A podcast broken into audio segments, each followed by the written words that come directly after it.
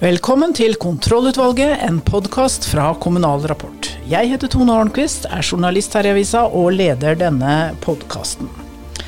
Først i dag så skal vi snakke med Grete Wold, som er fra SV og kommunalkomiteen på Stortinget. Hun skal si litt om koronamidler, revidert nasjonalbudsjett og kommuneproppen, og om hva SV kan godta av det regjeringen foreslår. Så skal vi videre til Viken og Siv Jacobsen, som er fylkesrådsleder der, og også leder av eh, fylkesordførernes eh, kollege. Og hun vil snakke om videreutvikling av fylkeskommunen. Nye oppgaver som skal være klart i 2024, når alle fylkeskommunene er delt og på plass. I Trondheim så har de Ungdommens bystyre, og ordføreren i dette bystyret er Stine Marie Hummelhaug. Hun forteller om hva ungdommene i trønderhovedstaden er eh, opptatt av. Dette er eh, dagsorden for eh, dagens kontrollutvalg. Da har vi fått Grete Wold fra SV og kommunalkomiteen i studio. Og vi skal snakke om revidert og kommuneproppen. Og Grete Wold først. Koronautgiftene har vært en del snakk om i det siste litt usikkerhet er blitt skapt. Eh, vil du eh, liksom roe gemyttene og si at SV, SV skal i hvert fall ikke eh, gå for noe kutt i kompensasjon til kommunene der? Har veldig stor forståelse for at kommunene blir veldig frustrert når eh, det nå kommer signaler om at man kanskje ikke får dekket alle utgiftene i forbindelse med pandemien. Det er klart at det har jo ikke akkurat blitt noen mindre utfordring, kanskje spesielt i begynnelsen av året. Så er det veldig veldig mange kommuner som har hatt store utgifter fortsatt til eh, koronapandemien. Og det har jo vært lova fra regjeringen hele veien, eh, klart og tydelig, at dette skal kompenseres. Og da har man jo senket skuldrene som både lokale politikere og kommunedirektører rundt omkring, og så får man nå signaler om at det kanskje ikke skjer. Så den bekymringen deler vi også, og det kommer vi til å ta med oss i det videre arbeidet sammen med regjeringen. For uh, dette her, det må regjeringa rydde opp i, rett og slett. Er det bare en uh, formuleringstabbe, eller er det reelt at de lurer på å ta pengene derfra, tror du? Det er jo ikke godt å si. Eh, det skaper usikkerhet eh, ikke bare for kommunene, for oss andre rundt også. Eh, samtidig så er det jo litt underlig hvis man mener at dette var en formuleringssvakhet, at man ikke med en gang, når f.eks. KS reagerer kraftig på dette her, ikke går ut og beroliger med en gang og sier noe om at nei, nei, det var ikke sånn ment. Det har vi heller ikke hørt. Så det gir jo grunn til litt reell bekymring, ja. Tenker de da kanskje å, å, avregne det mot økte skatteinntekter eller et eller annet sånt? Det? det? ser ut som man har gjort det på litt flere andre områder, så det kan godt hende at man tenker at det er sånn regnestykket skal gå opp. Eh, og det er klart det er snakk om mye penger, vi har full forståelse for det. Samtidig så er det noe med at hvis vi ikke har den tilliten til førstelinja vår ute i kommunene, som jo er de som faktisk håndterer de største krisene når de faktisk kommer, og de må gjøre det fort, og det ser vi nå også med flyktningstrømmen som kommer, så må man jo ha en trygghet for at det man har av ekstraordinære utgifter på allerede pressa kommunebudsjetter, det tar faktisk staten regninga på. Blir det flertall i Stortinget for eh, å dekke alle koronautgifter? Det vil jeg nesten tenke at det må være forståelse for. Det, og jeg forventer faktisk også at regjeringen legger opp til det, og sånn sett sørger for at det regnestykket går opp når den saken eh, skal voteres over. Hva ellers i revidert eh, som gjelder kommunene, er det SV er, vil gi mer til eller mindre til? Vi eh, merker oss jo at det kommunene selv formidler som en stor utfordring, er veldig økende utgifter i ressurskrevende tjenester. Og det handler jo ikke om de eldste, som vi kanskje ville tro, men det handler jo også om at det er flere også yngre som trenger eh, tjenester som eh, er relativt kostnadskrevende for kommunene. Og der ser vi mange også mindre kommuner som har litt over 3200 innbyggere, og som da sliter tungt med én og to brukere som, eh, som, trenger mye. Og det er riktig at de skal få, men det er veldig, veldig store utgifter. Så det er en av de tingene som vi også kommer til å, å følge nøye med på inn i forhandlingene. Ja, for nå var det satt et tak på kommuner med 3200 ja. innbyggere. Ja. ja. Så det er én av tingene. Et annet forhold som også kommunen har pekt på, det handler jo om de som eh, fyller 67 år. Så det er klart at det, her er det flere forhold som vi kommer til å følge opp videre. Eh, hva med kommuneproppen? Hvordan ser det ut for eh, neste år? Hva sier SV til det? Der er det jo også forhold som vi tenker vi må kikke nøye på. For det er klart at her tenker man jo også å ta inn en del på økte skatteinntekter. Og jeg tror jeg forstår så de sterkeste kommunene reagerer nok ikke så kraftig på det, men andre kommuner igjen vil oppleve at dette her blir veldig vanskelig. Og man sier jo klart tydelig at kjøpekraften til kommuner og fylkeskommuner den går ned. Så her er det ganske smale hans rundt og går, og det tror jeg kanskje ikke helt regjeringen i det som ligger frem nå, helt har tatt høyde for. Eh, dere vil eh, bruke litt mer penger her og litt mer penger der. Hvor skal dere ta pengene fra? Det er flere steder å hente penger. Eh, for det første så har jo SV en politikk på at det er ikke de nederst ved bordet som skal betale denne regninga. Det er faktisk de som allerede har mer enn nok. Så skal vi først gå inn på et spleiselag og få Norge ut av den mer eller mindre kritiske situasjonen vi står i nå, så er det de som allerede har til dobbelt lag på skiva som faktisk er nødt til å kutte litt ned. I tillegg så har vi store utgifter og store investeringsprosjekter, eh, ikke minst på vei. Det skal bygges eh, bredt og man skal kjøre fort. og og det her er voldsomme kostnader. Så vi mener at eh, det er et av de områdene hvor det er eh, mer penger å hente. Samferdselsprosjekter, og, ja. og nå var det byggeprosjekter regjeringa gjerne vil eh, ta ned. Regjeringskvartal. Eh, Universitetet i Trondheim osv. Hva sier dere til det? Vi mener og er enig med regjeringen at her er det også penger å hente. For dette er voldsomme kostnader. Så at dette er prosjekter som kan nedskaleres, og da selvfølgelig uten at det går utover arbeidsmiljø og sikkerhet, det mener vi er fullt mulig. Så den runden må vi nok ta en gang til. Takk til deg, Grete Wold. Da har vi med oss eh, Siv Henriette Jacobsen, som er eh, fylkesrådsleder i Viken og leder av fylkesordførerkollegiet.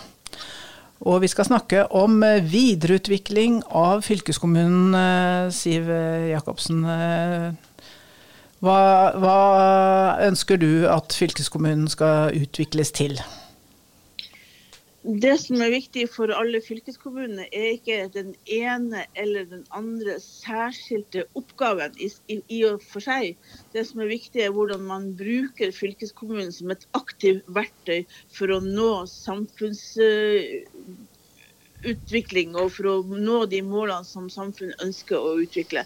Så det å bruke eh, fylkeskommunen som en regional utviklingsaktør, det er det som er viktigst for alle fylkeskommunene. Hva betyr dette regional utviklingsaktør? Det betyr at man har en rekke mål, bl.a. som uh, står uh, i Hurdalsplattformen, som regjeringa har, som fylkeskommunen kan være et aktivt verktøy for å utvikle. Både når det gjelder bærekraft, når det gjelder miljø, når det gjelder næringsutvikling, når det gjelder utdanning osv. Dere har hatt et uh, stormøte for noen uker siden sammen med seks statsråder og alle fylkestoppene om dette her. Hva kom dere fram til der? Vi kom egentlig fram til det som jeg sier nå, at det er dette vi er enige om. Og at vår viktigste budskap til regjeringa er at de må ikke ha noen hvileskjær i dette arbeidet. Selv om det er noen fylkeskommuner nå som skal løse seg opp, så er det ingen grunn til å, å vente til etter at det har skjedd, fordi at dette skal gjennom Stortinget osv. Så, videre. så vi ønsker at uh, en ny rolle for fylkeskommunen er på plass fra 1.1.24. Så, så snart? Ja, det er jo ikke det er jo et, etter neste valg, så det er jo liksom at de nye fylkestingene kan få dette som oppgave og drive med dette. Og da blir det altså nye oppgaver. Noe må overføres fra staten til eh, fylkeskommunen. Eh, hvordan skal det skje? Det prøvde jo forrige regjering på, og det gikk ikke så bra. Regjeringa i eh, Hurdalsplattformen signaliserer i hovedsakelig to to endringer i selve oppgavene. Det ene er at eh, de forvaltningsoppgavene som statsforvalteren har i dag, bør overføres til fylkeskommunene. Og det andre er at regjeringen ønsker å inngå såkalte regionvekstavtaler med fylkeskommunene. Dvs. Si at fylkeskommunene får noen oppdrag fra regjeringa som skal utføres der, altså ut ifra lokale og regionale forhold. Kan du ta et eksempel på hvordan en sånn avtale kan bli? Ja, Avtalen skal bidra til å styrke samordninga av ulike tiltak og offentlige tiltak og virkemidler. Så F.eks. la oss si for eh, nye Østfold, da, så vil kanskje staten si at her har vi utfordringer når det gjelder folkehelse, vi har utfordringer når det gjelder utdanning, vi har utfordringer når det gjelder næringsutvikling. Og vi ønsker å inngå en avtale med fylkeskommunen om at det skal bidra til ønska utvikling på disse områdene. Og så må fylkeskommunen igjen ta kontakt med kommunene og koordinere arbeidet, blir det sånn? Ja. ja. Så det, Kommunene vil jo være en stor samarbeidspartner for å få dette til å skje. Og så vil ø, fylkeskommunen ha en koordinerende og mobiliserende rolle i arbeidet. Men uh, ser du for deg noe uh, flere oppgaver fra staten? Altså, det var jo snakk om f.eks. kulturoppgaver som skulle gå til fylkeskommunene. Det var vanskelig å få til. Bufdir har overført noe ansvar, men er det noen sånne type oppgaver du ser må gå fra stat til fylkeskommune? De utredningene som eh, ligger til grunn for den eh, regionreformen som, som Solberg-regjeringa eh, eh, hadde, ligger jo der. Men vi er for så vidt ikke sånn veldig opptatt av å gå tilbake dit. Eh, det er fullt mulig å gjøre det, men vi tenker å prioritere det som er lettest å gjennomføre. Både dette med regionvekstavtaler, med å få forvaltningsoppgaver fra staten, og, og styrke de oppgaver som fylkeskommunen har fra før av. Vi har jo ganske store oppgaver når det gjelder å drive regional utvikling. Og de midlene er jo kutta veldig mye i løpet av de åtte siste årene. Så det å gjenoppbygge fylkeskommunene som en regional utviklingsaktør, både når det gjelder regionvekstavtaler, men også de oppgavene vi har fra før av, tenker vi er det viktigste. Og det går fint å gjøre samtidig som man løser opp eh, F.eks. du er jo i Viken, det skal bli tre nye fylkeskommuner. Du tror ikke at det tar alt eh, fokus? Nei, men eh, Dette er jo ikke et oppgave som fylkeskommunen skal gjøre, dette er jo en oppgave som regjeringa skal gjøre. Og, og, Når det da er kommet gjennom Stortinget, så er vi, er vi ved 1.1.24, og da, er, da har delinga skjedd. Eh, så det vi ønsker er jo at være, disse oppgavene skal, skal, stå klare, og den måten man tenker på fylkeskommunen skal være klart når først de første 24 kommer og de nye fylkeskommunene er oppe og står. Er arbeidet i gang i regjeringa, vet du det? Ja, det håper jeg, og det er vel de signalene som regjeringa har gitt til, til, oss. Eh, at eh, de jobber med å se både i forhold til bygdevekstavtaler og regionvekstavtaler, men også i forhold til forvaltningsoppgaver som kan overføres fra statsforvalter til fylkeskommune. Fint. Tusen takk skal du ha, Siv Jacobsen.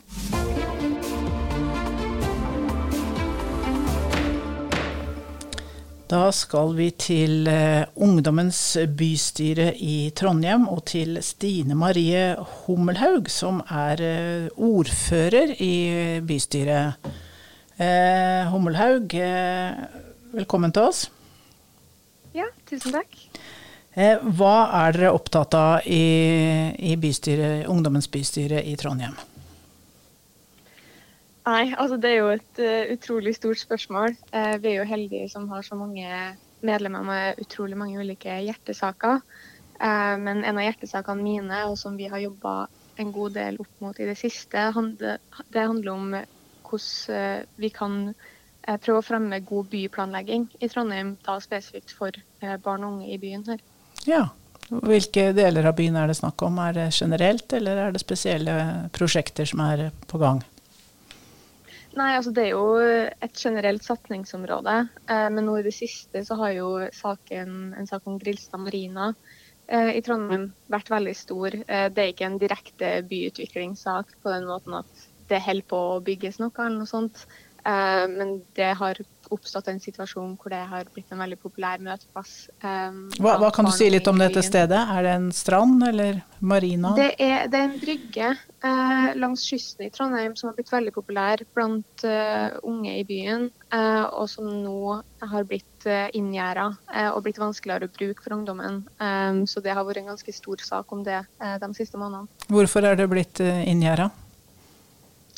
Eh, så det har oppstått konflikter eh, mellom beboere og besøkende eh, og folk som har ønska at det ikke skal være badende i den kanalen. Da. Fordi det er også et boligområde hvor det går båttrafikk til kaiene som ligger langs husene.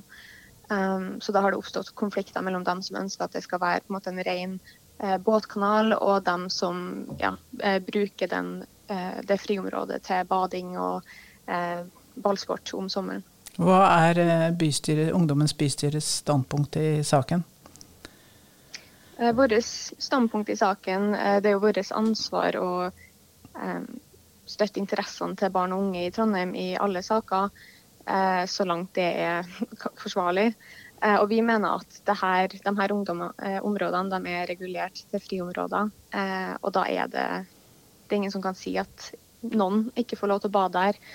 Og vi mener også at de tiltakene som har blitt gjort nå, gjør området farligere. For det er jo det som har vært bekymringa, at det har vært farlig å bade der. Men det er vår mening at når det ikke finnes noe badeforbud og lignende, og man setter opp gjerder på friområder, Ehm, så gagner det ingen, og det fører bare til mer uoversiktlige situasjoner.